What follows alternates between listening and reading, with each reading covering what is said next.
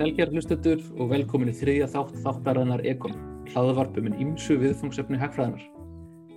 Viðfangsefni þáttarins í dag er fyrir kostnaður ofbeldis, eða þá kannski frekar fyrir óáþreifanlegi kostnaður ofbeldis í peningumtalið. Fekk, til mín uh, hanna Hjördísi Harðardóttur, uh, nýdoktor við Hagfræðadeild Háskóli Íslands til að ræða um grein sem hún skrifaði um þetta málefni. Fyrst aðeins um hana Hjördísi en hún útskrefaðist með doktorskráði Hagfræði frá Lundarháskóla í Svíþjóð árið 2019. Þar bar doktorsverkefnið hennar heiti titilinn Tími og ójöfnur rannsókn á vali einstaklinga. Síðan hefur hún Hjördís aðalega fengist við rannsóknir á sviði atverðlishagfræði og starfar í dag sem rannsakandi hjá Consif hópnum. Góðan sæl Hjördís og velkomin í þáttinn. Sæl, takk. Fyrst á að byrja að spyrja þig, getur aðeins kannski sagt mér bara frá þessum rannsóknarhóp, uh, Consif, sem þú ert á hluti af og þá kannski aðeins bara hvað fræðasvið ykkar rannsóknir aðalega tilhera? Já, uh, Consif hópurinn sem sagt er hluti af Hagfræðadeildin upp í Háskóla Íslands, samanstendur af Tinnu Laufeyju Áskirstóttur sem er profesor í hagfræði og stofnandi hópsins, auk nýdoktora og doktorstema. Og þemað í rannsóknum hópsins er í rauninni aðferðifræðilegt, það er það sem svona tengir okkur saman, svo að segja. Við, erum, eða, við notum í rauninni eina aðferð, svo kallega compensated income variation aðferð, til þess að mæla virði óáþreifanlega gæða. Og óáþreifanlega gæði það er svona hlutir eða fyrirbæri sem er ekkert að kaupa eða selja á markuðum. Uh, og þar að leiðandi eiga þeir ekki sagt, markarsverð uh, þessi hlutir. Og, og það er svona ekkert kannski hlaupið að í byggt að sagt, um, mæla virði þessar að gæða í peningum þessar hluta. Og, og þá þarf að beita hennum ímsu tryggsum til þess að, að finna virði hlutana og það er það sem við gerum. Við sagt, notum þessa aðferð sem nefndi Compensating Income Variation til þess að mæla virði ímísa hluta og meðal þess, þess sem hópurinn hefur skoðað er sjúkdómar og heil, heilsugvillar, uh, eh, svepp, eðlilega líkamstingd, áfengisnestla, kinnferðis, ofbeldu áreiti, uh, einelti, já, til að nafna nokkur dæmi bara. Og hann að rannsóknunar falla svona undir, eh, myndi ég segja, applied microeconomics önsku sem að myndi þýðast upp á íslensku sem einda hagfræði eða ekstra hagfræði, uh, hagnýtt einda hagfræði eða ekstra hagfræði, þess ekki. Uh, það sem að byggja á gögnum um einstaklinga og það langa oftast spurningakonunum. Mitt. Uh, eins og þú sagðir, talar um hérna þessa reikni aðferð compensating income variation method sem þá rannsóknahópurinn heitir eftir. Mm -hmm. uh, getur það sagt mér aðeins bara frá henni, bara hvernig hún virkar? Já. Um, aðferðin sem gengur þetta það að í fyrsta lagi uh, mæla samband tekna og velferðar. Og velferð getur í þessari típu af, af hana uh, í þessum fræðurunni get, getur að vera mælt sem annarkort hamingja eða er svona algengir mælikvarðir á, á velferð. Sem að, sem einstaklinga þá sjálfur um, uh, uh, já, þeir reporta sjálfur, þannig að vantar að vissi skona um, og, og svo við mælum fyrstulega í samband tekno og, og velferðar og í öðru lagi samband haming, uh, velferðar og þeirra óaþreifanlegu geða sem við erum að skoða. Og við sem sagt í þessari grein notum hamingju þá sem velferðar um, mælikvarða. Mm -hmm.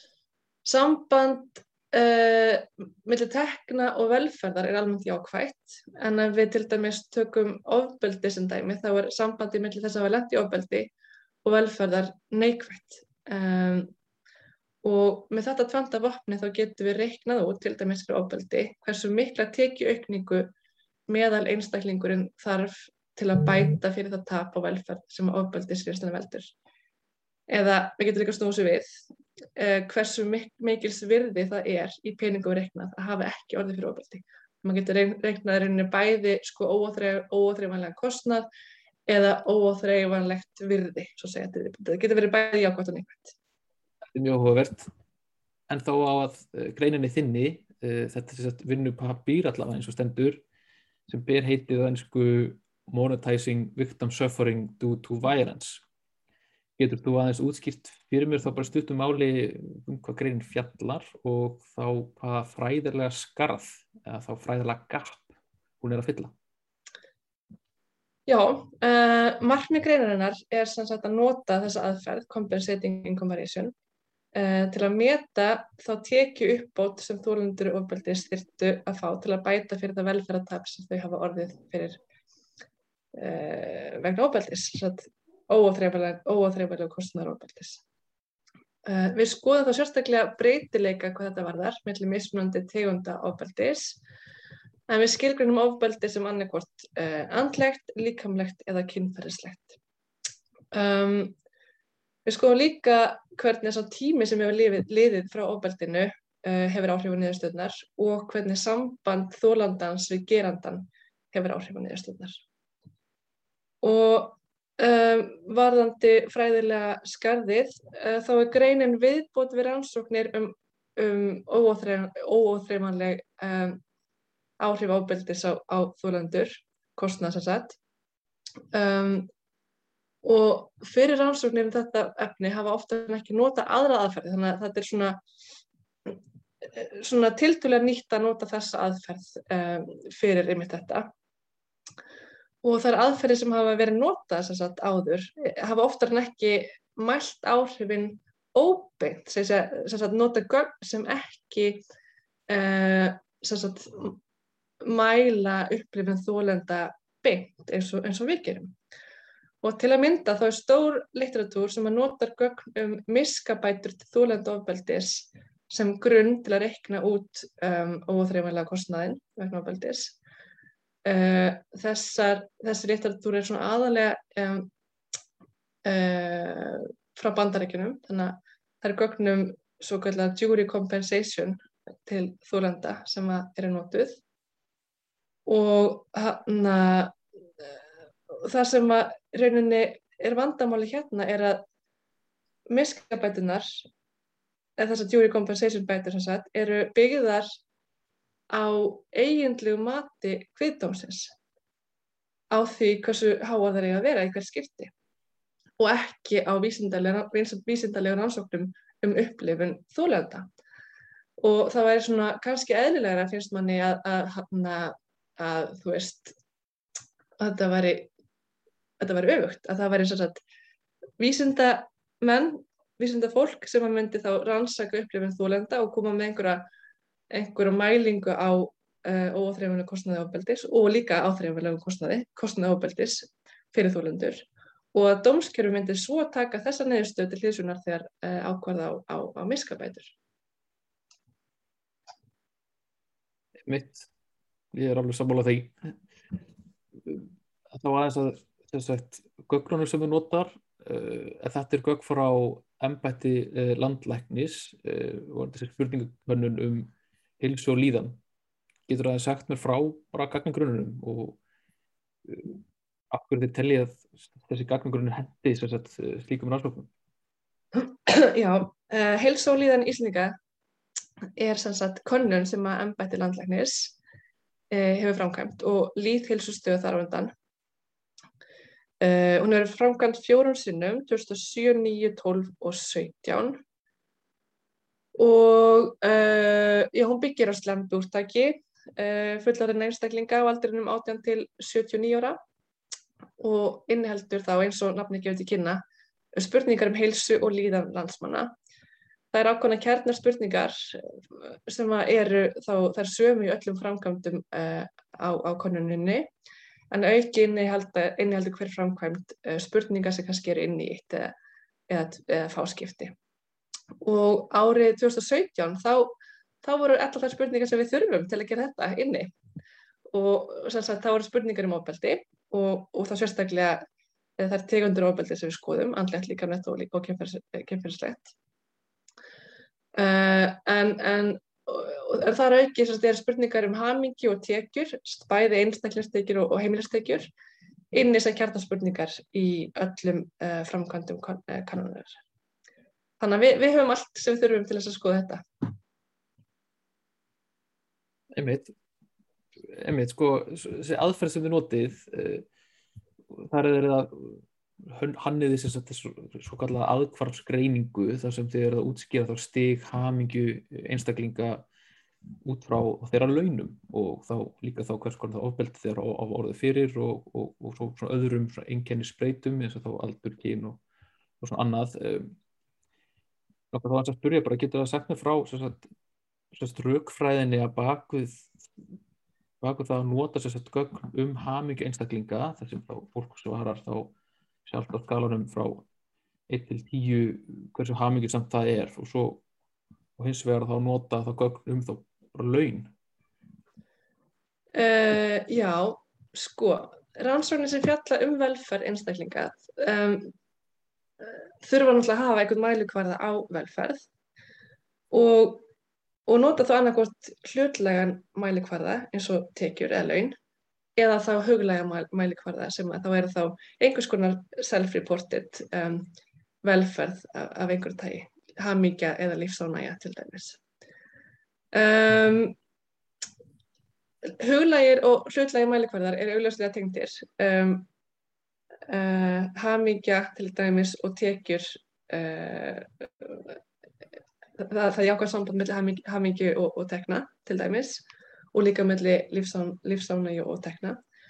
En, en, en, en sannsagt, uh, en það þýðir ekki að það sé verið að mæla saman hlutin. Það er alveg augljóst að huglega, huglegar mælingar á velferð eru tilrönd til þess að komast nær kjartanum svo að segja, með þess að byrja hreint út um, um hamíkina.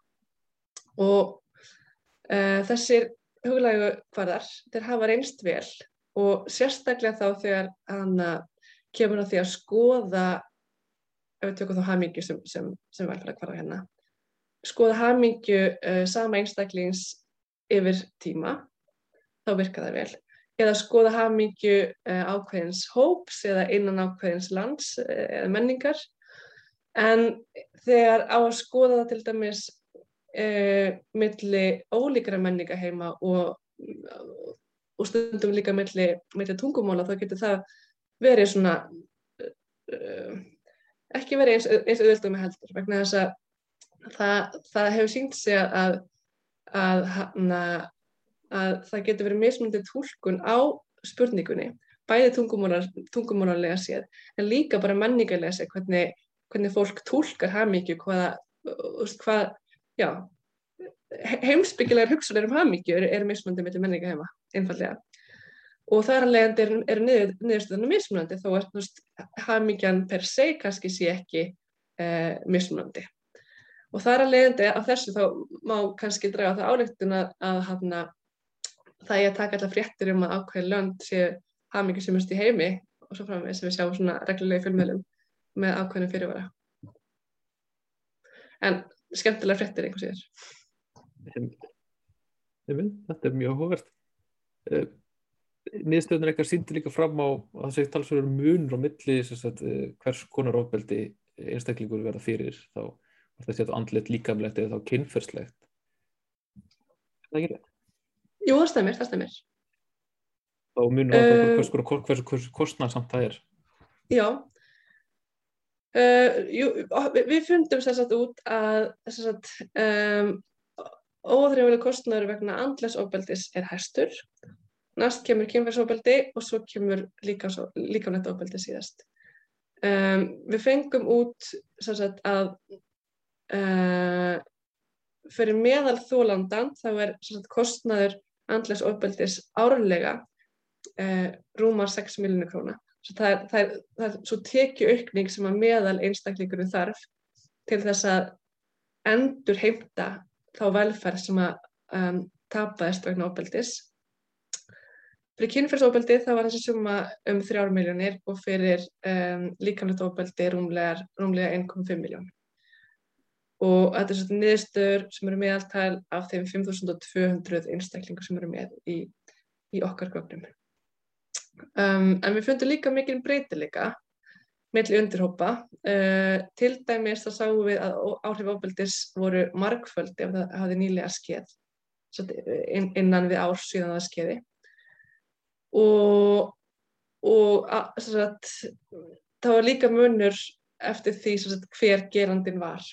Hérna skipti máli hvort að, að þólandin var kona eða karlmaður.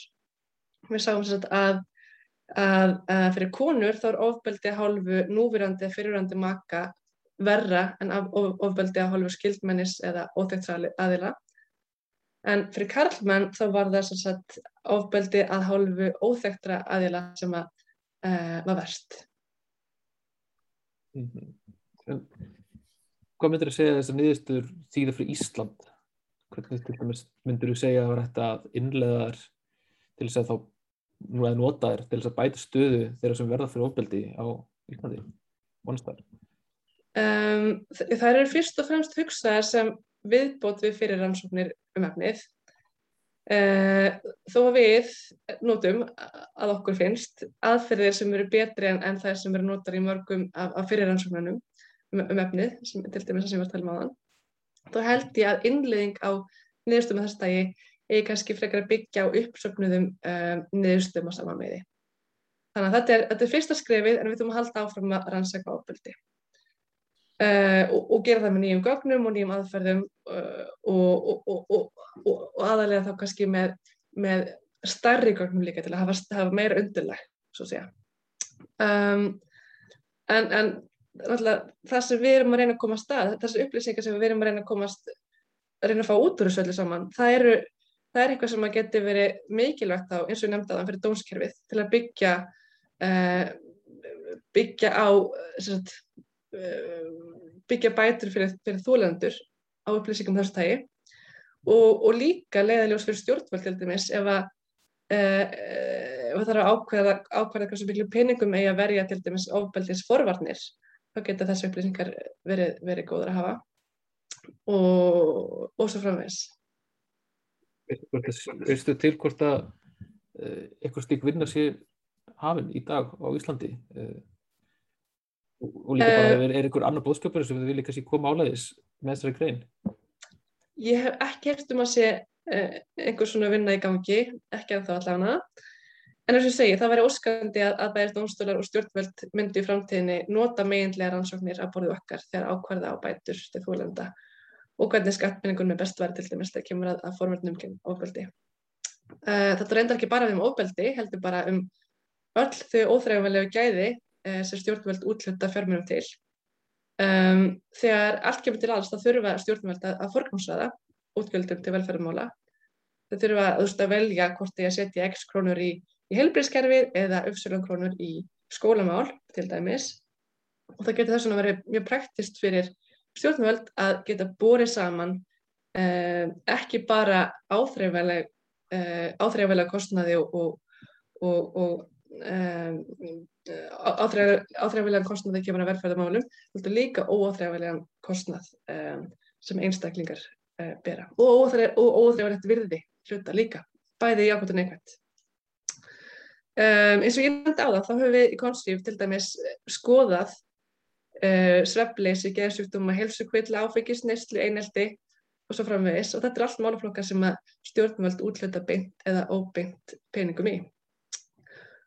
Og bara svona til að hana, taka uh, tvo hluti af því sem við, höfum verið að skoða, um, til dæmis ef að rannsóknir að borðu okkar getur ekki upplýsingur um það hvort að kostnæður þólenda söfleysis séu minni eða meiri en um, óþreyfilega kostnæður sjálfsög en óþreyfilega kostnæður þólenda eineltis þá getur það að gefa upplýsingur um það hversu stóru hluta kökunar er að verja í, í málaflokki fyrir sig. Um, en báðið þessi málaflokkar hafa auðvitað verið mikið í umræðinu på síkastið eh, söfleysi til dæmis í í sambandi við umræðu um sagt, uh, senkun skóladegi úrlinga og, og einelti í sambandi við vitundavakningu um geðhilsu. En svo að möguleikarnir eru í óþjóðvöldandi. Uh, eh, compensating income variation er þetta nota til að mæla verði uh, flest all sem hefur með velfæri einstaklega að gera. og bara til að koma að enda þetta svona bara wildcard dæmi hérna uh, það, hann að við getum til dæmis ég, hef, ég veit ekki hvort þetta sé hafi verið gert, þetta er ekki hluta okkur ansakrum en hugmynd bara. Við getum mælt áhrif þess að hafa lert að hljóðfari í æsku sem áhrif þess að virði í rauninni, á óáþrifilegt virði. Uh, uh, óáþrifilegt virði þess að hafa lert að hljóðfari í æsku versus þá eða móti óþrifilegu verið þess að hafa verið íþróttum í æsku. Og, og borið þetta saman og slíkar upplýsingar þá getur þá mögulega þá verið einhvers konar leifinning um það hversu miklu eigi að verja í, í, í tónlistastarbarna og hversu miklu eigi að verja í íþróttastarbarna uh, þannig að það, allar upplýsingar eru, eru góðar, eða ekki? betur en engar, svo segja. Al, algjörlega, heldur betur, það var, var mjög áhvert. Ykkur, ykkur hérna úti sem að, sem, hérna, sem er að hlusta, sem að Já, hver veit. Geta þetta geta samband við ykkur, ykkur svona hugmyndum. Hérna, það var bara frábært, bara takk fyrir góð svör, þetta er bara mjög áhugavert að uh, hérna, og hérna, öllsnöft í lókinn, hvað tekur við næstu þér? Erst þú með eitthvað rannsóknir, rannsóknarpapýra í vinslu? Uh, já, ég er með einn annan uh, SIF Compensating Income Variation pappir í vinslu. Um, ég er að vinna að grein um kynfyrsóbeldi og áreitni, býnum saman þema hérna, úr gögnunum um áfallarsögu kvanna með Tinnulöfi og, og Brynni Jón Bernadóttur, auk áfallarsögu teimisins. Og svo hef ég mikinn áhuga á tímaafvöxtun. Ég náttúrulega vann ég vann, vann pínið því sko í doktorsnáminu og held þið áfram að gera það og er meðal annars þá núna að vinna grein úr gögnum uh, úr hagfræðtilurinn sem ég og samhönda mínir framkvæmdum í París sem við skoðum tíma uh, samband framtíðar á óvissu og, og, og tímaafustar og svo er ég með nokkar greinar um COVID, það var engin leiða COVID úr hagfræðilegu mingli í vinslu Uh, og til dæmis allir að skoða hvort faraldurinn hefur haft áhrif á uh, hagfræðipreferensa og þá er ég minna um tímapreferensa, riskpreferensa og sóskilpreferensa ástakisleiknar um, og, og, og, og að auki ætla líka að skoða þess að greiðsli vilja fólks þess að sleppa við haftir að völdum COVID. Ekki það með tinnulegu Já, það var svona það helsta sem er að bauði mjög hóverst allt saman. Bara kókið vel. Takk, takk. til störfum og bara þá er þetta ekki lengra eh, hjá okkur í dag. Og ég bara þakka það fyrir bara hértís fyrir að koma og segja ykkur frá þessi greinu og þessu sviði sem þú ert að vinna á. Bara til ykkar gerð árundur og hlustundur þar til næst